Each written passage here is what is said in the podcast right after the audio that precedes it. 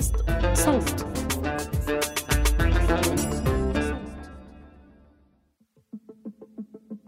أنا ديما نفصل بين التقني والكينوني. اللغة أنا أمل نتعامل معها كأداة تعبيرية. غيري يتعامل معها كسلاح. غيري يتعامل معها كدستور. غيري يتعامل معها كبوق. غيري يتعامل معها كجسر. أنا أمل نتعامل معها كأداة. في وظيفتها الأولى للغة. لكن العركة ماهيش عركة كلامك. هو على خاطر زاد ديما وقت اللي نحكي اللغة نقول ماهيش فكرة المسميات ولا العبارات اللي استعملوها لكن شكون ممثل داخل الخطاب؟ شكون عنده الحق يحكي؟ يعني شكون عنده الحق في صوته؟ شكون يمتلك الصوت؟ ربما يبدو للوهلة الأولى الحديث على اللغة والجندر أمر شائك صعب معقد. نقاش نخبوي ضيق بين مجموعة من الباحثين والباحثات اللي يمتلكوا طرف المعرفة ولكن اللغة نمتلكها الناس الكل وهي جزء من ممارستنا اليومية. هي أداة تساهم بشكل كبير في تشكيل ذواتنا والتعبير على هويتنا وانتماءاتنا وطبقتنا الاجتماعية. اللغة ممكن تسجلنا في مربعات الوصمة الضيقة وممكن تشكل ثورة على كل ما هو نمطي وسائد. عسلامة نارين بن رجب صحفية ومحرة وباش نكون معاكم في حلقة اليوم من عيب. أول مرة سمعت فيها مصطلح جندر كان عمري 17 سنة. المصطلح كان غريب علي وما سعيتش أني نفهمه. في سنواتي الأولى في الجامعة سمعت المصطلح مرة أخرى من عند صديقة نسوية. بقيت نبحث ولقيت أنه الجندر مصطلح سافر من ثقافة إلى أخرى وترجم للعربية بالنوع الاجتماعي. المهم فهمت أنه الجندر يعني أنه الذكورة والأنوثة تتحدد ثقافياً. السياق الثقافي والاجتماعي والسياسي هما اللي يحدوا أدوارنا كنساء أو كرجال. أدوار ما اخترناهاش وتفرضت علينا. بعد 16 سنة من أول مرة سمعت فيها كلمة جندر ما زلت نبحث. وما زلت نحاول نجاوب على برشا أسئلة متعلقة باللغة العربية والجندر. كيفاش نتعاملوا مع اللغة باعتبارها أداة تستغلها السلطة الذكورية من منظور نسوي؟ هل الكتابة عن قضايا الجندر بلغتنا العربية أمر سهل وممكن في ظل هيمنة الخطابات المستوردة والمصطلحات المستوردة؟ كيفاش يتحول فعل الكتابة باللغة العربية عن الجنسانية والجندر إلى أداة مقاومة في سياق ما بعد استعماري وفي سياقاتنا الحالية اللي أي كلمة تدور في فلك الجنس تعتبر عيب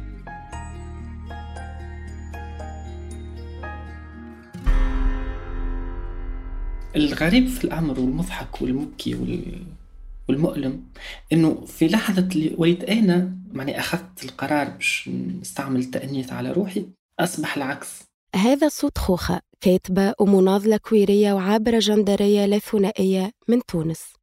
أصبح الآخر اللي كان يأنثني قصرا ولا هو يرجعني لمربع ذكورة قصرا. وهوني وصلت للعركة متاع الضمائر اللي هي عركة جوهرية. حتى كان فما بعض الناس يراها اللي هي طرف ومن قبيل الطرف لكن هي عركة من العركات الأساسية في حياتي على خاطر ماهيش فقط اللغة ماهيش فقط الأنوثة والذكورة أما شكون يختار لشكون. يعني هل أنت تختار لروحك. وإلا الآخر هو اللي يلزم يختار لك حاجة ويقيدك بها. وفي كلتا الحالتين ممكن أنا خاطر المسار متاعي كيفاش نقول معناها atypique شوية معناها مش اعتيادي هو اللي خلاني ننظر الأمور من هالمنطلق. خاطر عشت في المربع متاع الأنوثة المسلط عليا يعني عنوة ووقت اللي أنا اخترتها وليت بالعكس لا. الأنوثة هذيك ماهيش شرعية وباش نرجعوك لمربع الذكورة. donc finalement أنا كان باش نلخص اللي قلته هذا كله هي العركة على الضمائر هي عركة على الشرعية يعني شرعية وجودك وشرعية تعبيرك عن نفسك اللي أنت تحب توصل لها وتحب تفرضها لكن الآخر هو اللي يحب يكون عنده القول الفصل في هل يعطيك الشرعية ولا ما يعطيكش الشرعية. مهما كان معني أنا نفس الشخص اللي كان يوقع تأنيثي قبل بالسيف وكنت نرفض نفس الشخص وقت اللي أنا وليت نختار التأنيث ولا يترفض التانيث ويتفرض عليا الذكورة. علاقة خوخة مع اللغة العربية كعبرة جندرية بدت مع حرب الضمائر والانتقال اللي هي ما اختارتوش بين المذكر والمؤنث بسبب المحيط وأصدقاء الطفولة والمدرسة المتنمرين وفي اللحظة اللي اختارت فيها خوخة بشكل واعي إنها تعبر عن ذاتها بضمير المؤنث اللي كان طول حياتها تهمة وعار تسجن مجددا في مربع الوصم والتحقير والتقزيم. أما أمل الخليف المرأة الثلاثينية اللي عاشت مخاضات وصراعات باش تفتك مكانتها في مجتمع مهووس بالتصنيفات وخبير في قمع أصواتنا فعلاقتها مختلفة على علاقة خوخة باللغة علاقة أمل باللغة العربية علاقة مرتبكة جدلية ومرتبطة في جزء كبير منها بعلاقتها باللغة الفرنسية. ودو نخمم ونقول معناتها كيفاش كانت المراهقة ياسر سن حر؟ يعني بالحق كنت نقرأ في القصص ونقرأ في الروايات الفرنسية الأكثر إباحية. يعني كنت نقرأ جورج باتاي ونقرأ سارتر وبشغف معناتها. ونقرأ Harlequin مش روايات عبير نقرأ Harlequin. ويعجبوني بالفرنسي أكثر من اللي بالعربي بصدق معناتها. بالفرنسية جميلين جدا جدا جدا. يعني تصوير عملية الجنس دقيق ومعبر وجميل وشهواني ولا يتوقف عند القبلة معناتها في Harlequin فهذاك الكل أنا كنت نقراه وأنا مراهقة وكان يعجبني. وفي نفس الوقت كان كنت مبهورة بالقرآن وكان يعجبني وما كنتش نشوف في حتى أدنى تناقض. وكانت الحاجات تمشي بسلاسة وكان ذهني معناتها يتسع على للإباحية وللروحانية وللقواعد الشريعة والرياض الصالحين والشطحات آه، جورج باتاي وتساؤلات سارتر والهيكا وهذيك خاطر ما جا حد سألني قال لي لا. ولا قال لي لا لازم تقرر العربية ولا الفرنسية؟ الإسلام ولا الإلحاد؟ الحداثة ولا يعني ما جاش حتى حد قال لي آه، قرر اختار الآن فورا وحالا. وقرارك هذا سيعبر عن ذاتك وتعبيرك عن ذاتك هذا سيترتب عنه نتائج جدية جدا. في طريقة تعاملنا معك وفي طريقة تحديدنا موقعك في المجتمع ولا في موقعك في العلاقات إلى آخره إلى آخره. يا توسع يا مهزين يا تواسى يا اللي شديتوا الحبوسات يا تواسى يا اللي عذبوكم. يا تواسى يا اللي قهروكم يا تواسى يا اللي غبنوكم. يا تواسى يا اللي سرقوكم. استنفسوا الحرية. شعب تونس اهدالنا الحرية. 17 ديسمبر 2010 14 جانفي 2011 تندلع الثورة التونسية واللي كانت لحظة فارقة في حياتنا وحياة أمل. أمل كانت في تعاملها اليومي مع اللغة تتحدث الفرنسية وتكتب بالفرنسية وتعبر على هواجسها ومشاغلها بالفرنسية. والثورة دفعتها كما برشا توانسة إنها تطرح أسئلة صعيبة على ذواتهم ووجودهم وأحلامهم الثورية وحتى اللغة اللي يستخدموها للتعبير على أنفسهم. الثورة جت تسأل سؤال فلسفي أنت شكون؟ سؤال تعريفي معناتها. والتخلي عن الفرنسية كان عفوي جدا معناتها ما ماهيش لغتي. قد ما نحبها معناتها وقد ما زلت نحبها يعني. توا بعد عشر سنين من الثورة نقول قديش أنا نحبها وقديش أنا نشتاق لها فعلا يعني كلغة. وإني أنا حسرة في داخلي إنه صار هالصراع العنيف في الهوياتات العنيف بالشكل هذا إنه خلى الناس لازمها تختار معناتها. هو ما عنده حتى معنى. يعني أنا الفرنسية لغة حبيبة وغنية وأنا ياسر ياسر ياسر ممتنة معناتها لل... اللي عطاته لي الكل فكر وجمال واستيتيك جمالية معناتها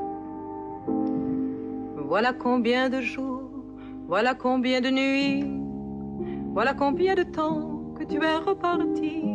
Tu m'as dit cette fois, c'est le dernier voyage pour nos cœurs déchirés, c'est le dernier naufrage. Au printemps, tu verras, je serai de retour. Le printemps, c'est joli pour se parler d'amour. Nous irons voir ensemble les jardins refleuris et déambulerons dans les rues de Paris.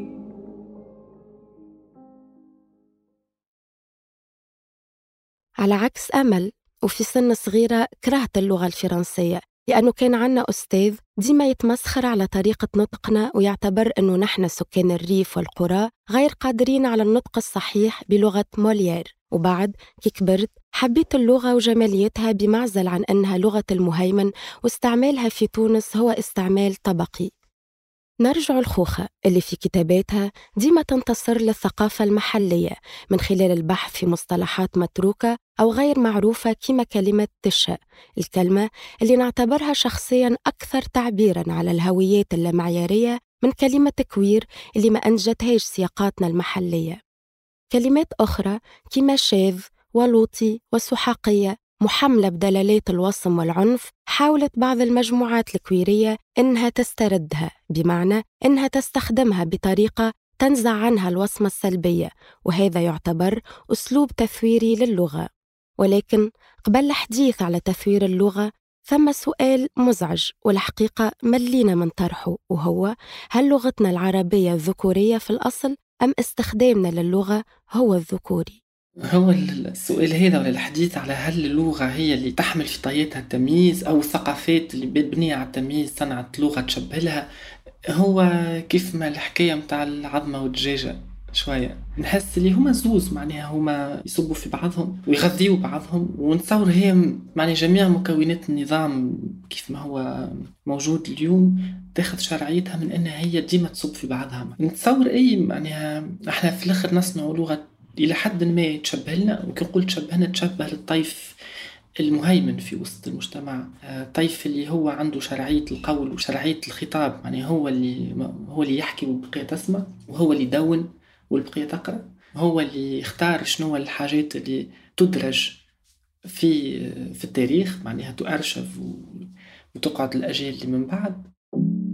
الأشخاص المهمشين والمغيبين من السردية السائدة يحاولوا يعبروا على ذواتهم بلغة تشبه ليهم والأهم يحاولوا يحروا أصواتهم ويوثقوا لحظاتهم مهما كانت اللغة اللي يستخدموها حتى لو صوتهم مازال غير مسموع. بالمقارنة مع البوق الكبير المهيمن على حد تعبير خوخة. في المقابل نحن النسويات أو المناضلين والمناضلات الكوير اللي مهمومين بقضية اللغة.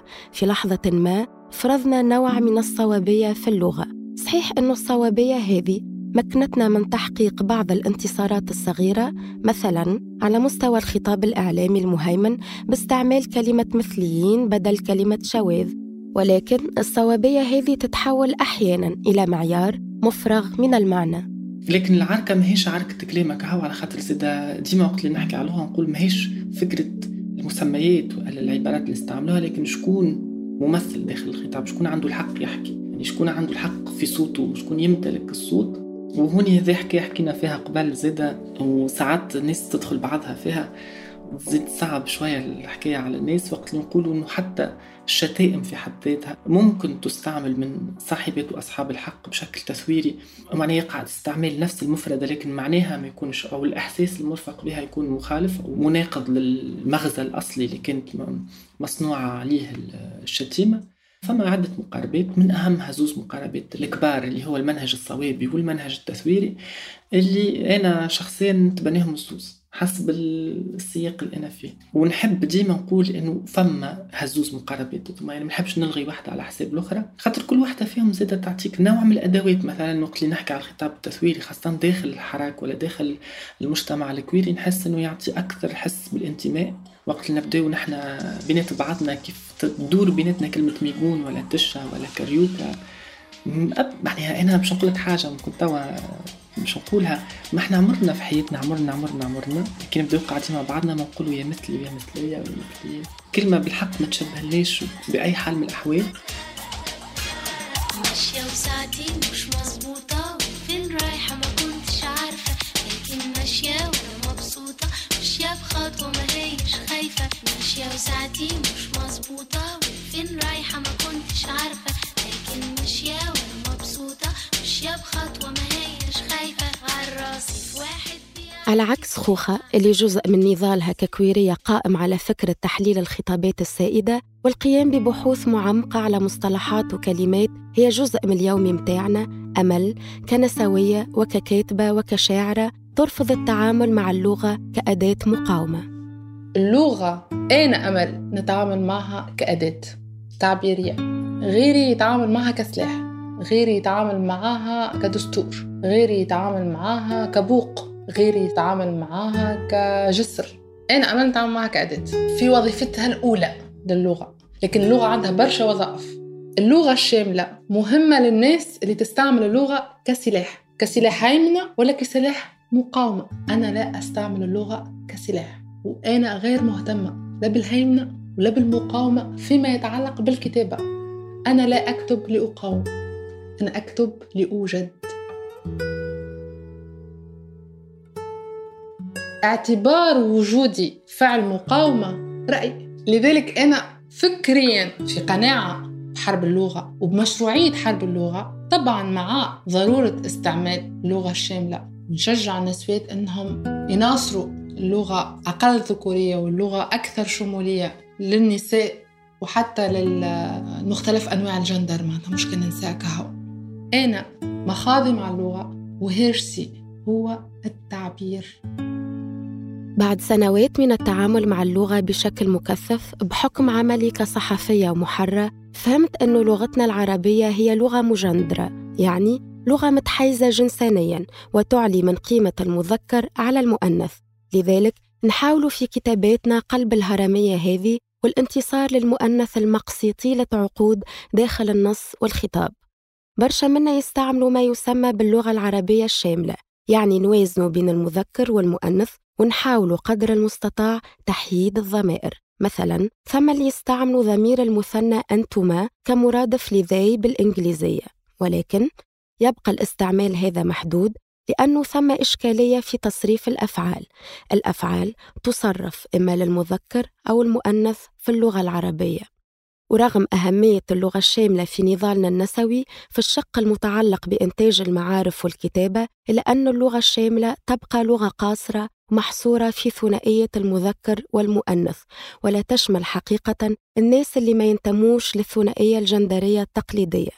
المحاولات النسوية والكويرية فيما يتعلق بالكتابة بالعربية تعتبر تجريبية مخبر مفتوح على احتمالات عديدة. على أمل خلق ضمائر محايدة والكتابة بلغة تشمل كل الهويات اللامعيارية. أنا كي نكتب عندي نوع من ال self-awareness يعني نبدأ منتبهه لذاتي بشكل كبير في الكتيبة باش نحس لو كان فما كفة مالت على كفة نحاول نعدل.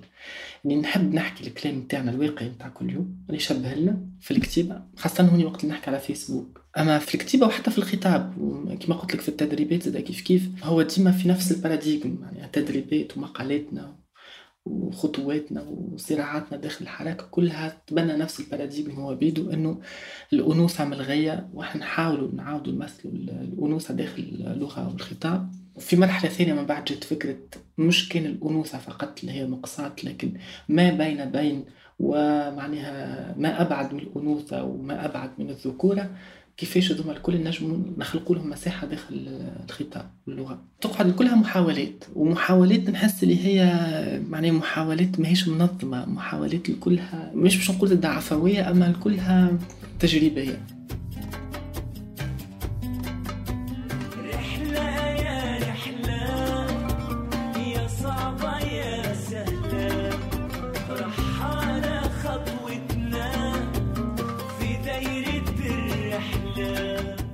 الطريق قدامنا ماهوش معبد. ممكن نتعبه ممكن نحسه بالأحباط. ممكن في فترات ما تكون خطواتنا متعثرة ولكن يبقى الرفض وتبقى المقاومة والكتابة عن قضايانا ومشاغلنا أسلحتنا الوحيدة لتحرير أصواتنا وتحرير لغتنا وتحرير أجسادنا وترك إرث نسوي وكويري مدون بلغتنا للأجيال القادمة. كنا معاكم في الحلقة هذه من عيب من إعداد وتقديم ريم بن رجب. من الإنتاج والتحرير جانا قزاز. ممكن تشتركوا في قناة عيب على تطبيقات البودكاست باش توصلكم تنبيهات الحلقة الجديدة. بودكاست عيب من إنتاج صوت.